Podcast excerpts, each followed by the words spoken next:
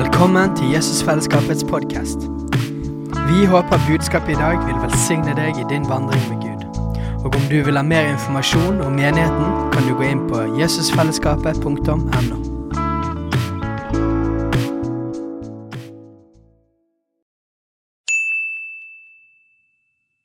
Hei! Visste du at Jesusfellesskapet starter en ny bibelskole til høsten? Den heter Jesusskolen og starter den 3. september. Gå inn på jesusskolen.no for mer informasjon. Vi har jo egentlig hatt møte, har vi ikke det? Eh, Fantastisk møte. Fantastisk både Nå sier jeg fantastisk, for det er egentlig et fint ord. Selv om det kommer av fantasi, men det er fordi at noe er mer. Det er, fordi at vi snakker om noe som er mer enn det fantasien kan forestille seg. Så det er min tolkning av fantastisk. ja. Så da har vi liksom fått uh, løst det problemet som vi har stridd med litt i hel- helga. Men, men uh, det er, jeg har bare lyst til å takke for at vi får lov å være sammen med dere. Og det vet jeg Unni vil, som uh, ikke skal si noe nå, men som ledet oss inn i noe flott i går kveld. og Tjenestegjøring og det Gud gjorde masse. og og så hadde vi også da en tilbedelse som liksom eh, gikk veldig, veldig langt i det å ære Gud og ta imot fra Gud. Og kjenne f.eks. at vi sang at vi tilhører. Vi tilhører Far. Vi tilhører. Det er fantastisk å få lov å si at vi tilhører, vet du. For det er det vi har slitt med det. Så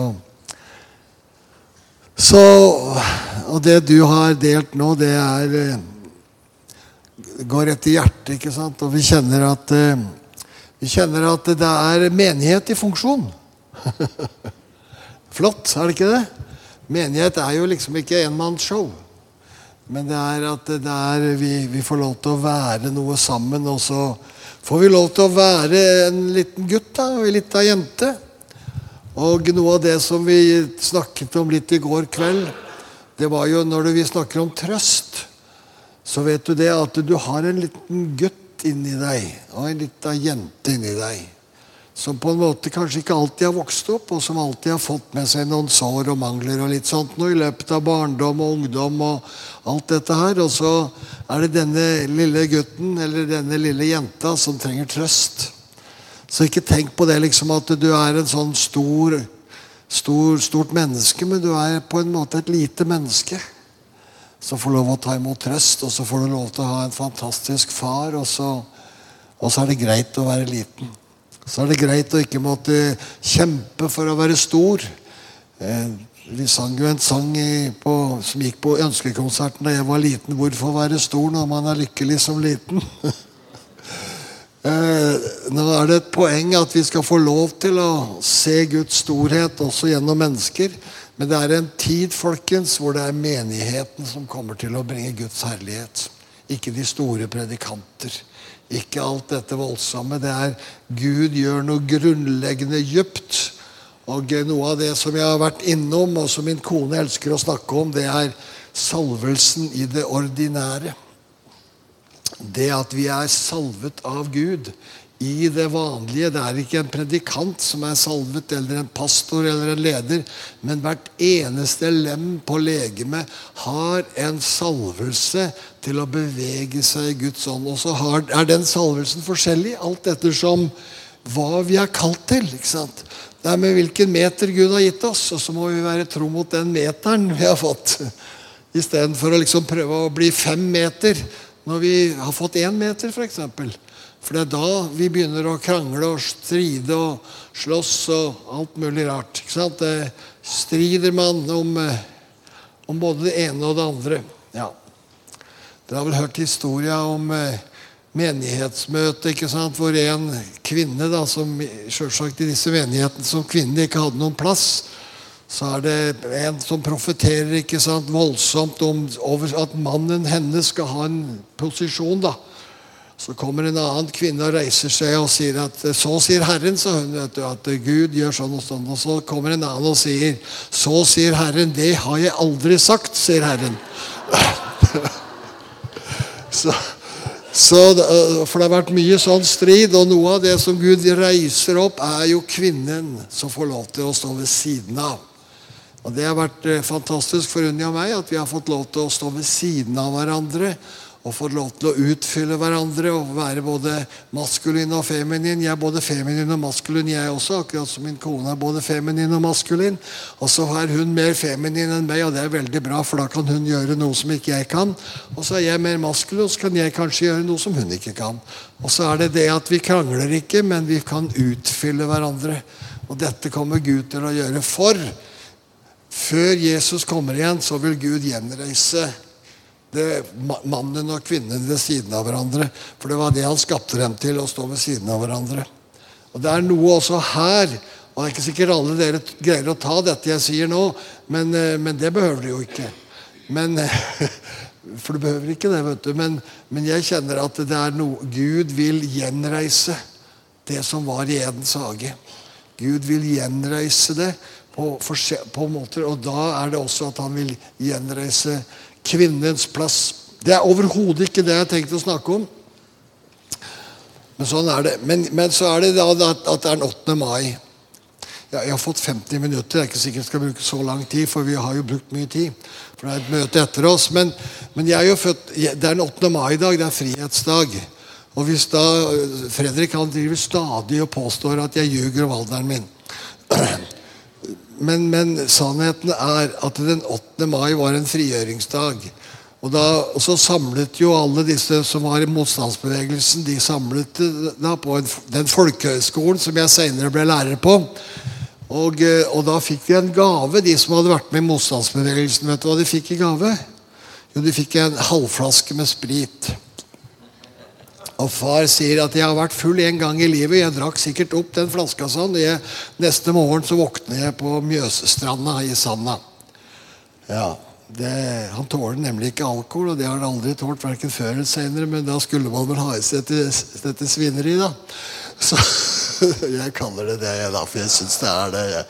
Men i, i hvert fall så gikk det nok noen dager, så han kom, ble vel edru, ja. da, Sikkert. Sikkert ganske fort. Og, og eh, ni måneder etterpå så ble jeg født.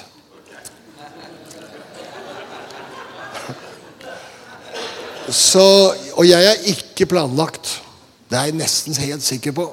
Jeg har spurt far om det en gang, men han aldri ville si noe om det.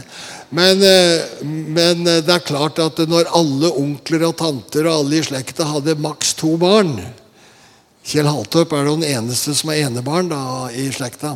Så, så da skjønte jo jeg at når jeg var den eneste som ble nummer tre, så var jo ikke jeg planlagt. vet du. Og dette Denne historien forteller jeg ikke bare fordi at det er, sånn der, men det er fordi at det er jo mange av oss som ikke er planlagt, er det ikke det? men så er vi planlagt allikevel. For det var en, var en far som ville ha oss, for vi ble jo utvalgt i Kristus før verdens grunnvoll ble lagt, så derfor så er vi planlagt, om ikke mor og far hadde planlagt det. For å være dønn ærlig så har vi fem sønner, og det er jo ikke alle, slettes ikke alle dem som er planlagt, Unni. Men de er elsket. Ja. Det er liksom ikke Nei. Man, når man lever, så lever man, og da er det ikke alt som blir planlagt. Det er jo kjedelig om alt skal være planlagt, da. Ja. Men en, en, det kan bli litt mange overraskelser noen ganger, men, eh, men det har gått utrolig bra. Fem barn vet du, det på, i løpet av ni år. Det var jo litt det. Jeg har skiftet mye bleier. Jeg har skiftet bleier i 15 år, ja, nesten. Ikke sant? Det er en del av livet, det òg. Ja. Så, og det å hele tatt leve er å være en del av verden. Jeg har jo nesten aldri vært fulltidspastor. Jeg har vært en slags eh, inniblant. Men, men, men jeg har fått lov å være lærer på deltid. Jeg har vært ungdomsskolelærer. Jeg har sett eh, seks-sju elever i en ungdomsskoleklasse bli, bli frelst. ikke sant? Og, og eh, det er mye du kan gjøre. Og Hvis noen av dere er lærere og ikke tror at dere kan forkynne evangeliet i kristendomstimer, så er det bare tull. ikke sant? Du må snakke med rektor, og så får du lov til det. For det gjorde jeg alltid. Jeg sa at men du vet, jeg skal jo forkynne om hva evangeliet er, sa jeg. Og da må jeg forklare om hva korset er, og jeg må forklare alt som har med det å bli kristen og sånn å gjøre. Ja, det er klart du må det, sier alle rektorene til meg. Jeg har vært, hatt tre-fire stykker av dem. Ikke sant? Det er klart Du må gjøre Du må si åssen det er. Og det gjør jeg mange ganger. Ikke sant? Og Derfor blir jo folk frelst. ikke sant? Men jeg gjør jo bare det som rektor sier jeg skal gjøre. For det går ikke an å forklare kristendom, folkens, uten å fortelle hva kristendom er. Og det er så mange lærere som ikke tør å si hva kristendom er. Men det har du lov til å si, for kristendom er, handler ikke bare om kunnskap oppi her, men det handler også om at de som hører, de tar imot og noe skjer. Og det har du lov å si. Det eneste som jeg aldri har gjort Jeg har aldri invitert noen til forbønn på, i skoleklassa. Men, men, jeg har opplevd gudsnærvær i, i kristendomstimer som har vært mye sterkere enn på de fleste møter. Fordi Gud han bryr seg ikke om klasserom, vet du. Men du må få lov å, du må være trygg i at du har en fri rygg i forhold til sjefen din på skolen. Og det hadde jeg alltid. Det prater jeg alltid om. Det er lurt, skjønner du. Er det noen lærere her? Ja. Så, Det spørs hvor du er hen. da, i hva slags situasjon. Jeg var jo ungdomsskolelærer. Jeg da, vet du. Leste bøker. Jeg elsket å lese bøker. Brukte alltid et kvarter av siste tid av kristendomstimen til å lese en bok. Som endte jo opp med at disse folka kom til tro. ikke sant? Levde kanskje et vilt liv. Det kunne være litt sånn David Wilkinsons bøker. eller Cookie Rodriguez det var en sånn bok jeg brukte i 10-15 år. Da jeg, var, da jeg var sluttet på den skolen, så var det ikke igjen noe av boka heller. Fordi at Når du leser et kvarter av en sånn bok over et år, så, og de elsker det det er ingenting ungdomsskoleelever elsker mer enn at du sier nå skal jeg lese for dere, og så skal dere være knust stille. Jeg vil ikke høre en knappnål falle. Og da sitter alle 15 minutter knust stille og hører på at du leser høyt for dem. Alle barn og unge elsker å bli lest høyt for. Men det er så mye rart vi har funnet til. Og når jeg sluttet som lærer, så kom elevene til meg og sa at det er så stusslig med kristendomstimene nå, sa de. Ja, og hvorfor det? Ja, for du fortalte jo alle historiene. du vet du sånn. Fortalte om da du ble slått ned i Afrika. Du forteller om alle tingene som du opplevde. Og når de treffer kona mi, vet du, så, så føler de jo at de kjenner henne. da. Fordi hun er jo med i alle historiene, hun òg. Men, men, men, det å leve Du har lov å leve. Ja. Det er fantastisk og, og, og hele den der starten her i dag, vet du for du, du, den sangen som dere, vi har sunget i kvarter på begynnelsen her, det er jo prekenen min, det. Så da tenkte jeg, når du begynte der, så tenkte jeg jeg er nok på rett spor. tenkte jeg. Det er nemlig slik at Far åpenbarer seg gjennom Jesus Kristus. Eh, det var vel et ord som jeg tenkte jeg skulle lese. Det er jo sånn at Skal man ha en ordentlig preken, så må man eh, lese et ord fra Bibelen.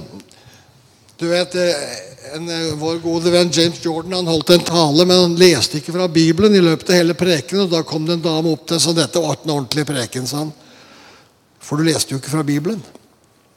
Nå er jo ikke jeg av dem som tror på det, men, men hør på dette her.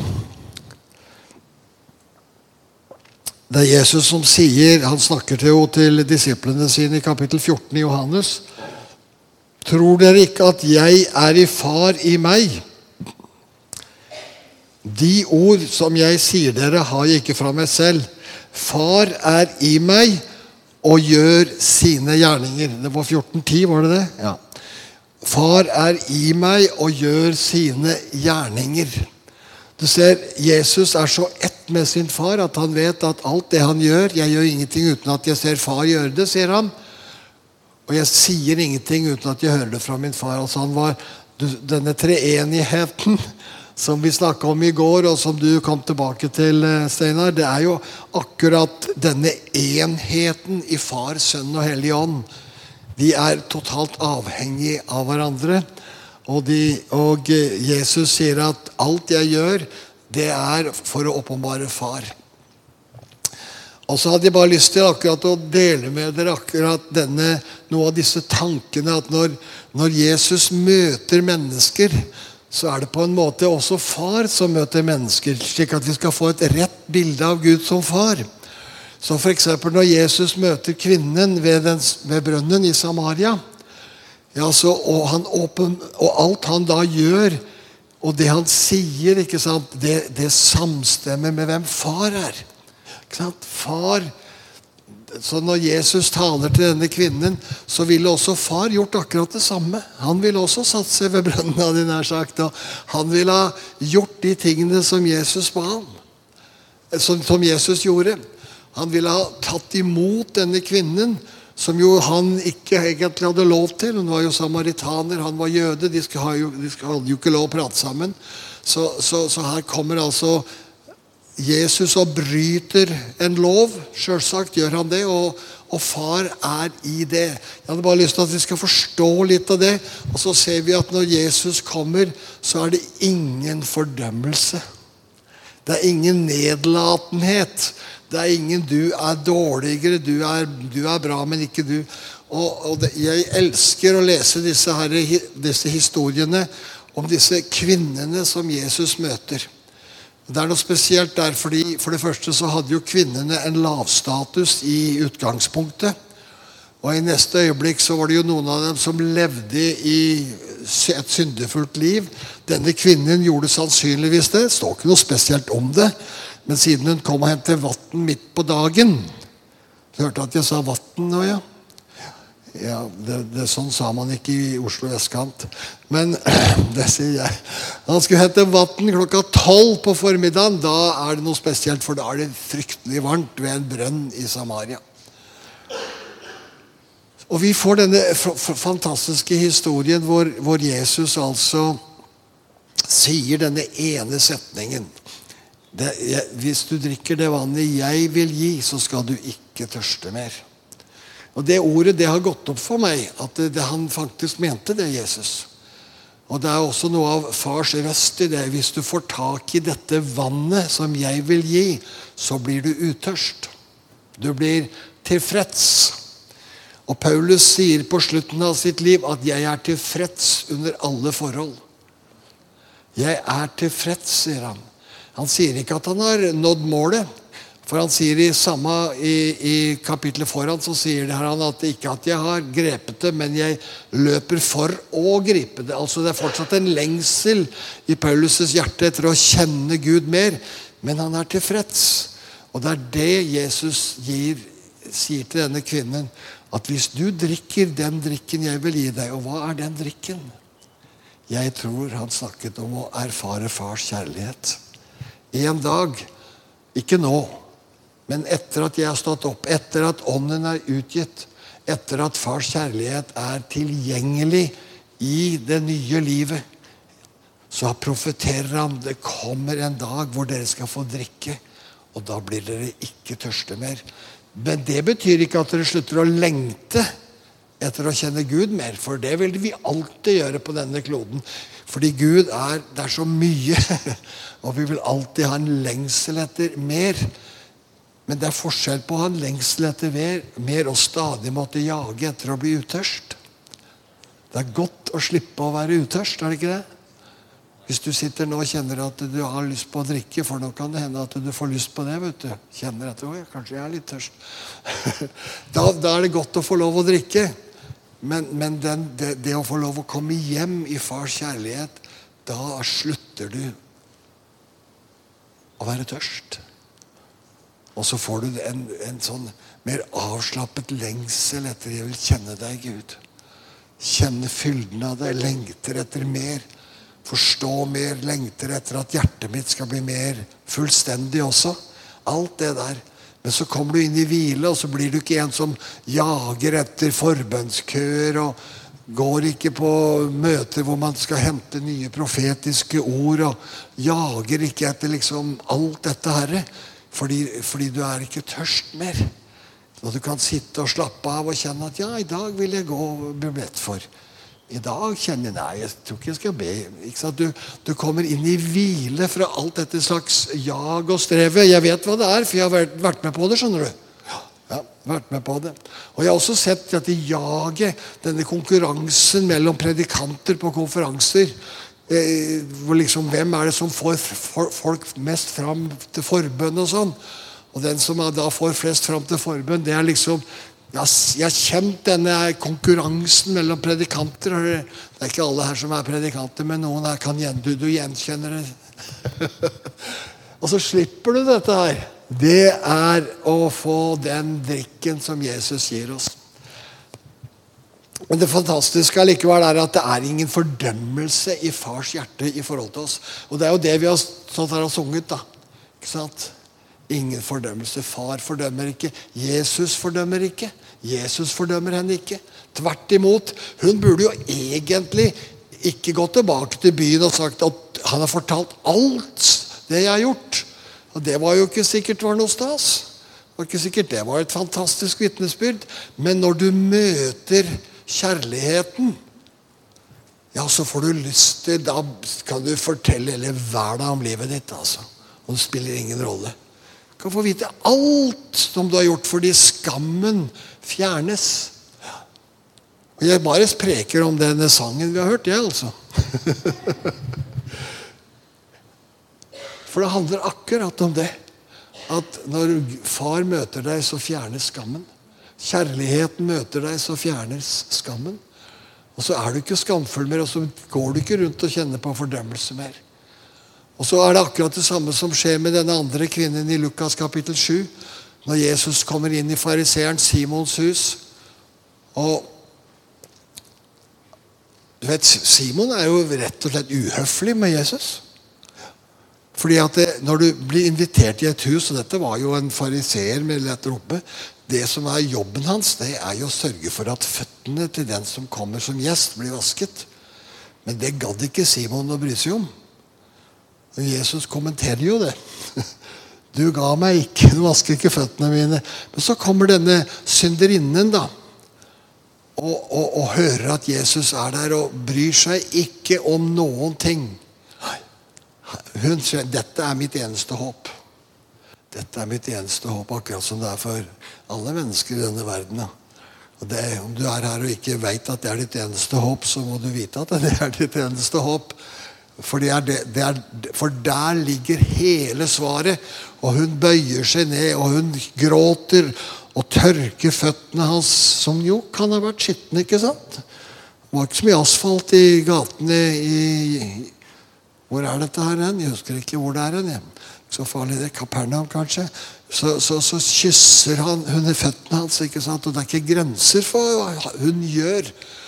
Og, og, Jesus, og, Simon skjønner jo at det, han kan ikke være profet, for han må jo vite hva slags kvinnfolk dette er.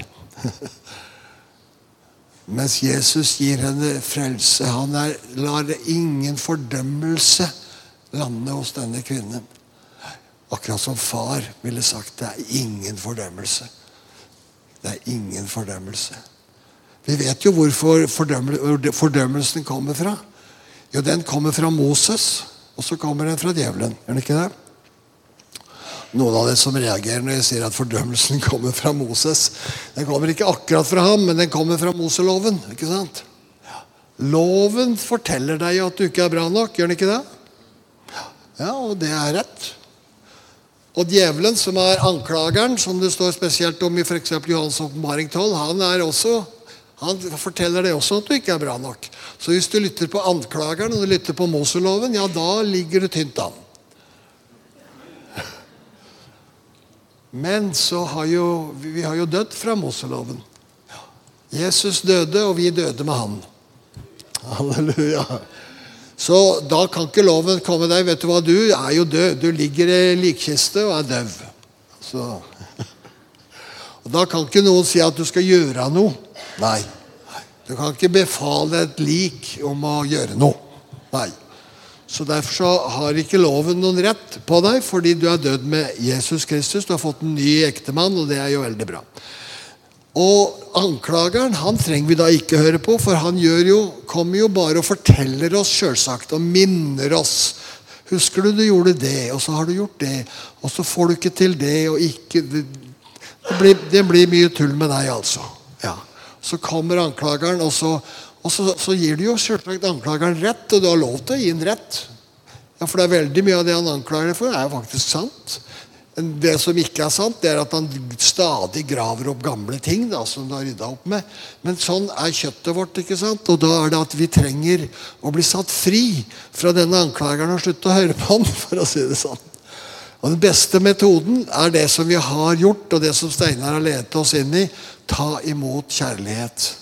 Drikk deg drukken på Guds nye vin, og bli full av Guds kjærlighet.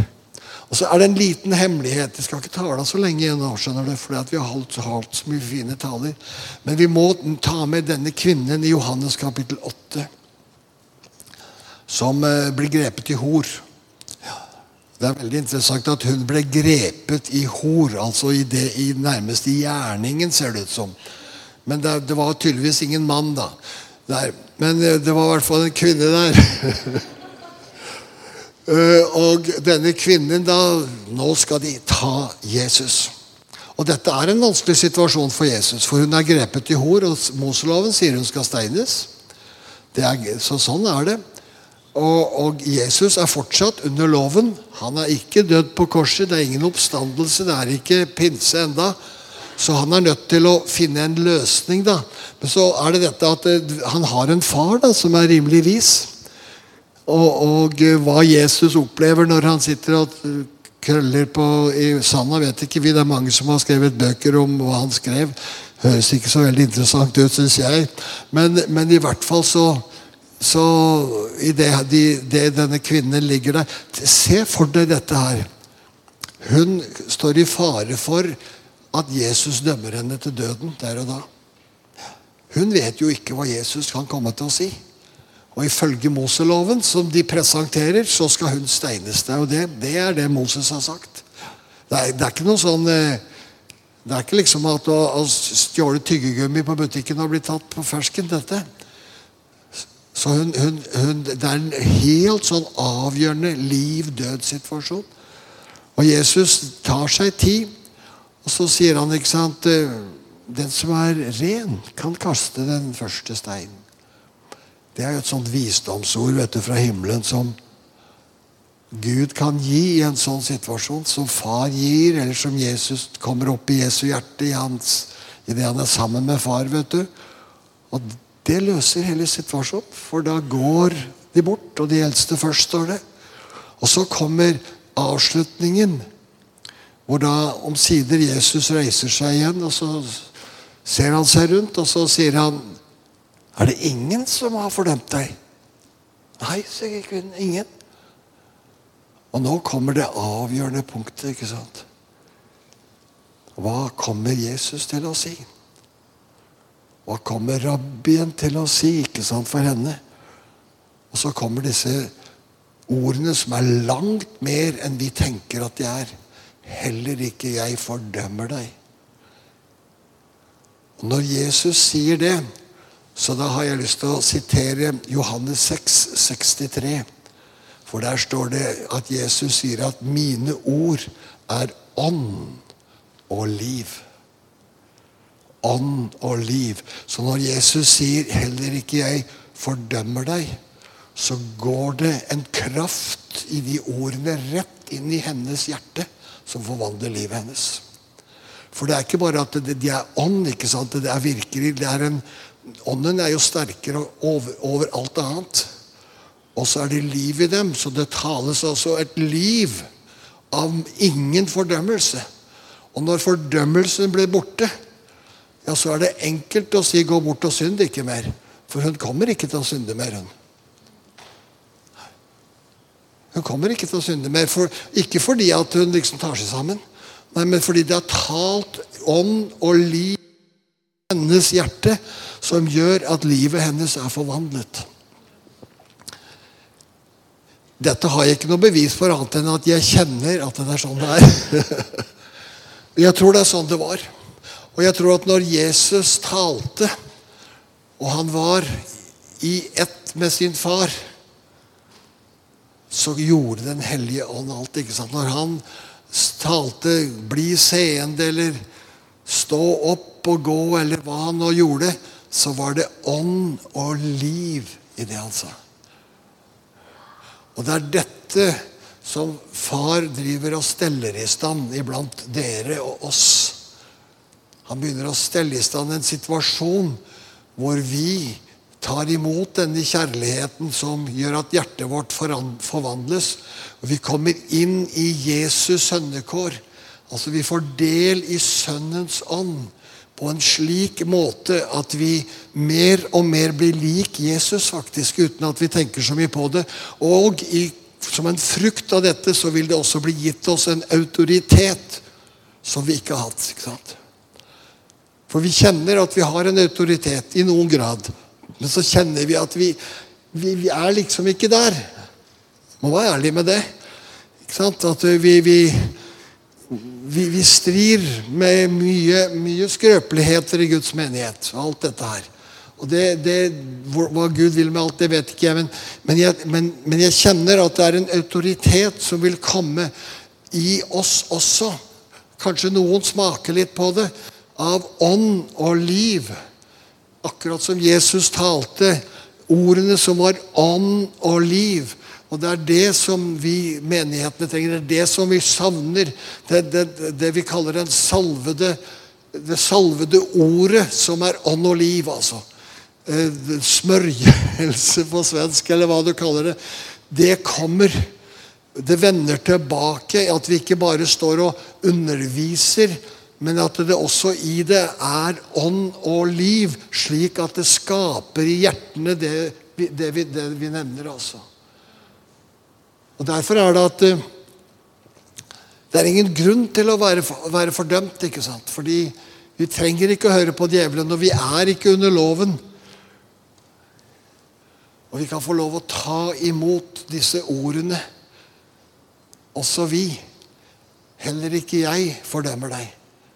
Gå bort og synd ikke mer. Altså, slutt å høre på, på fienden. Slutt å tenke og, og ta imot fordømmelse fra loven, men, men, vit at du er elsket for din egen skyld. Det er en grunn til noen ganger å kjenne litt på skam. Har vi gjort noe dumt, ikke sant, så er det lov å kjenne litt på skam. Og, er det ikke det? Å kjenne at for meg, altså. Så må vi også, Det gir oss mulighet til å rydde opp både med Gud og mennesker. ikke sant? Så Det er ikke det, er ikke det jeg snakker om, men det er denne tilbakevendende fordømmelsen at 'jeg er jo ikke god nok'. Ikke sant? Jeg er ikke god nok. Hvordan kan Gud elske en sånn en som meg? Men det er jo akkurat en sånn en som deg og meg han elsker. Ja. At, at Jesus kjøpte oss tilbake. Og den friheten da, som det er, det skaper også en trygghet og en glede i hjertet. En indre trygghet, en indre glede, en indre visshet om at jeg er en liten gutt. Og så behøver det ikke være noe mer. da, vet du. Det behøver liksom ikke være den som har fått til all verden. Men du kan få lov å kjenne at jeg er en liten gutt. Jeg er en lita jente. Ja. Så er det fint å være Og så sier jo Jesus at hvis du er det, da får du oppbevaring. Da får du se stjernen. Jeg hører jo på disse her eh, Vi hadde en sånn en, som det var som intervjuer med han, Hva het han? Fugle... Hæ? Nei, Fugleli. Han var sånn kjent ja, ja, Han ville jo kjenne Gud. Og Jeg husker jeg satt og hørte på han, og så sa jeg til TV Du må jo skjønne det, Per, sier jeg. At du, må, du prøver å finne Gud med hodet. Du må, du må komme deg ned på kne og ta imot hjertet. Da får du finne Gud. Det er veldig jeg vet ikke om det hjalp noe særlig at jeg sa det til TV-en, men jeg sa det nå til den, da. Men kanskje han fant fram. Men det er akkurat dette vet du, at vi må få lov å ta imot i hjertet vårt. Og det gjør en liten gutt og en lita jente. Og en liten gutt og en lita jente kan få lov til å få til mye. For, for eh, 28 år siden så bestemte Unni oss for at vi skulle rive hønsehuset. Vi hadde jo et hønsehus som vi hadde 100, 2500 høner i. Men det hadde vi slutta med. Han ene sønnen vår han hadde gjort, det, gjort om til sånn der paintball-hall. Så samla gutta vet du, og hadde paintball. Det var en fin måte å bringe folk inn på det òg. Men så sa vi nå river vi dette her, og så ser vi hva vi får til. Og, og jeg søkte, for dette er jo en liten gård med konsesjon, så da er det en svær runde vet du, i byråkratiet for å få til sånn. Og dette ble vanskelig. Og, og jeg jobba og sleit, og noen ganger var jeg bekymret. Og da jeg var 69 år, da, så tenkte jeg at du er, du er rimelig dum. Når andre er pensjonister, så setter du i gang et svært byggeprosjekt igjen. Liksom, ja. Men så, når, det, når tingene ble for vanskelig, så lærte jeg en, en veldig god lekse. Og den leksa var ganske enkelt at når tingene ble for vanskelig med kommunen, det var jo særlig det da, så da gikk jeg inn. Jeg har en stol med et flott eh, vindu med utsikt over Mjøsa, hele Lillehammer og Hamar og nesten til Sverige. Ja, du har vært der, du, så vet det er veldig flott oppå der. Og så satte jeg meg i stolen, og så sier jeg Du vet det, far, sier jeg. At jeg er bare en liten gutt. Og du kan ikke forvente så mye av meg. Så kan du ta og rydde opp i dette her. Tror du det var effektivt? Det er det mest effektive jeg har gjort i hele mitt liv. Så stadig vekk vend tilbake og si dette her er for vanskelig for meg. Men jeg er jo bare en liten gutt. Og, så, og da var det at jeg lærte tilbake til Einar Lundby, som noen av dere har hørt om. Og Så husker jeg at Einar han sa dette her. Han, jo, han levde jo i vår tid, han. Enda han er død for 50 år siden. Så, så han, eh, han sa det sånn hvis du vil ordne opp sjøl, sånn, så sier Gud at ja, da kan du få lov til det. Men Han var jo fra Brumunddal, da, så han sa det ikke slik. Men hvis du vil la meg få lov til å gjøre det, så skal jeg gjøre det. Sier Gud. Og Det er litt av denne, disse hemmelighetene her om å slippe løs. Slippe kontrollen. Slippe hele tida ting løs, slik at eh, vi slipper til Gud i våre situasjoner. Da kommer han, og han er veldig flink til å overtale byråkrater og litt av hvert. Og Jeg husker denne byråkraten da, som vi hadde med å gjøre, som til og med var muslim, og likte ikke at det vi skulle gjøre. Og han sa nei, du må gjøre sånn og sånn og sånn. Men så plutselig en dag Helt sånn på tampen, du, da kommer han og sier 'Gjør akkurat som dere vil', sånn. Ja. ja, så gjorde vi akkurat som vi ville, da. Så, så det må jo ha vært en uh, hellig ånd som hadde rota litt med denne byråkraten. Stelte til så det ble bra. Men hvis du kjenner jeg, jeg, vet at fordømmelse er en av de, de mest ødeleggende ting i kristenlivet til folk. Og bruker så fryktelig mye energi på det, vet du. Så tenk på hvordan Jesus åpenbarte seg for disse tre kvinnene. Tenk på hvordan far står bak og anerkjenner dette 100% Gud står 100% bak dette.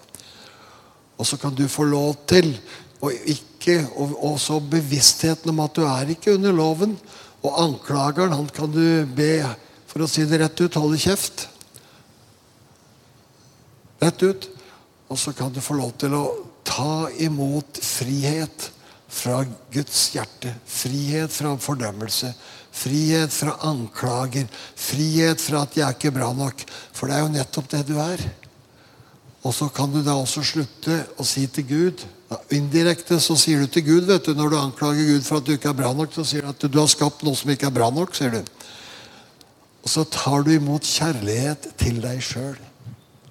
Takk, far, at du elsker meg. At du, Jesus, døde for meg. Du ga ditt liv for meg. Jeg er verdifull. Jeg er verd å elske. Og akkurat den siste setningen er kjempeviktig for mange. Å si 'Jeg er verd å elske'. Har du det? Har du tenkt, at, tenkt det noen gang? Hadde det vært fint å sagt det i kor? Jeg er verd å elske. Jeg er verd å elske. Eller vi kunne si 'Jeg er elskverdig'. Jeg er elskverdig. Jeg skal si det, Når du sier det og begynner å tro det i hjertet, så er det også mye lettere å ta imot kjærlighet fra far. For det er vanskelig å ta imot kjærlighet hvis du ikke tror du er verdt å elske. vet du. Så tro at jeg er verdt å elske. Kan jo bruke denne uka som går, og tenke på ja, jeg er verdt å elske. Se deg i speilet, og så sier ja. Jeg er jo en flott fyr, da, eller en flott kvinne. Og jeg er verdt å elske. Så skaper du tro i ditt hjerte for at du er elskverdig. Så blir det lettere for far å møte hjertet ditt. Fordi du åpner hjertet ditt, og så tar du vekk den, disse, alle disse negative tankene om at 'jeg er jo ikke verdt noe'. Og så er du verdt all verden.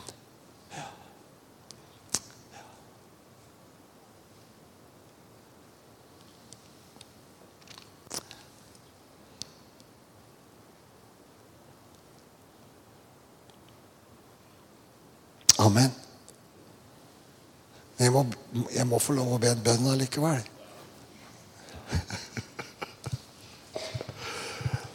Halleluja.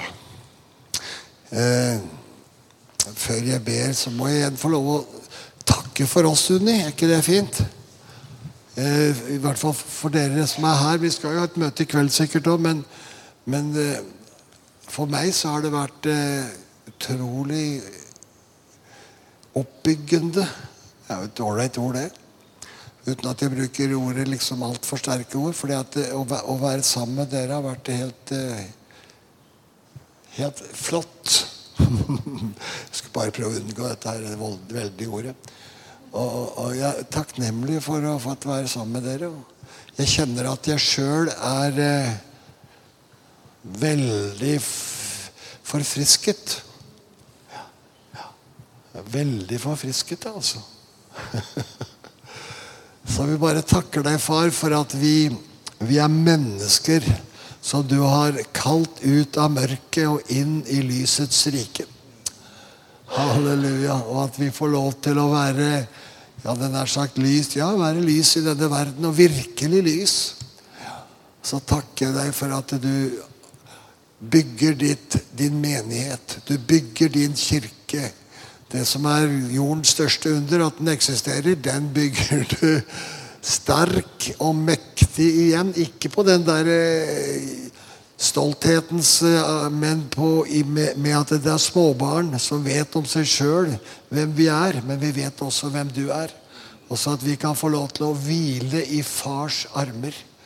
Jesus, du hvilte i fars armer. Det står i Johannes 1,18 at han var alltid i fars armer.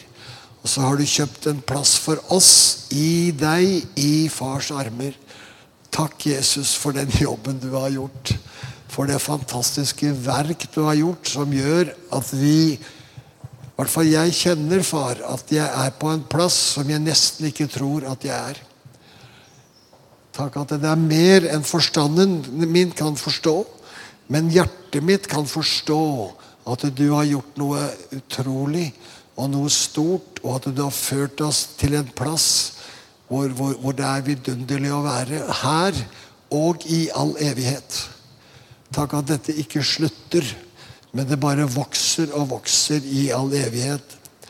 Takk for hver eneste en som tilhører denne menigheten. Takk for velsignelsen og freden og hvilen som er over denne menigheten. Takk for at du velsigner de som leder, men du vil også takke deg for at du skaper en åndens enhet som er merkbar og sterk i ditt nærvær. Også når vi går ut hver for oss, så bringer vi noe av ditt nærvær overalt hvor vi går. Takk at du gjør det. Ikke ved kraft, står det, og ikke ved makt, men ved din ånd. Takk at det skjer ved din ånd. Amen.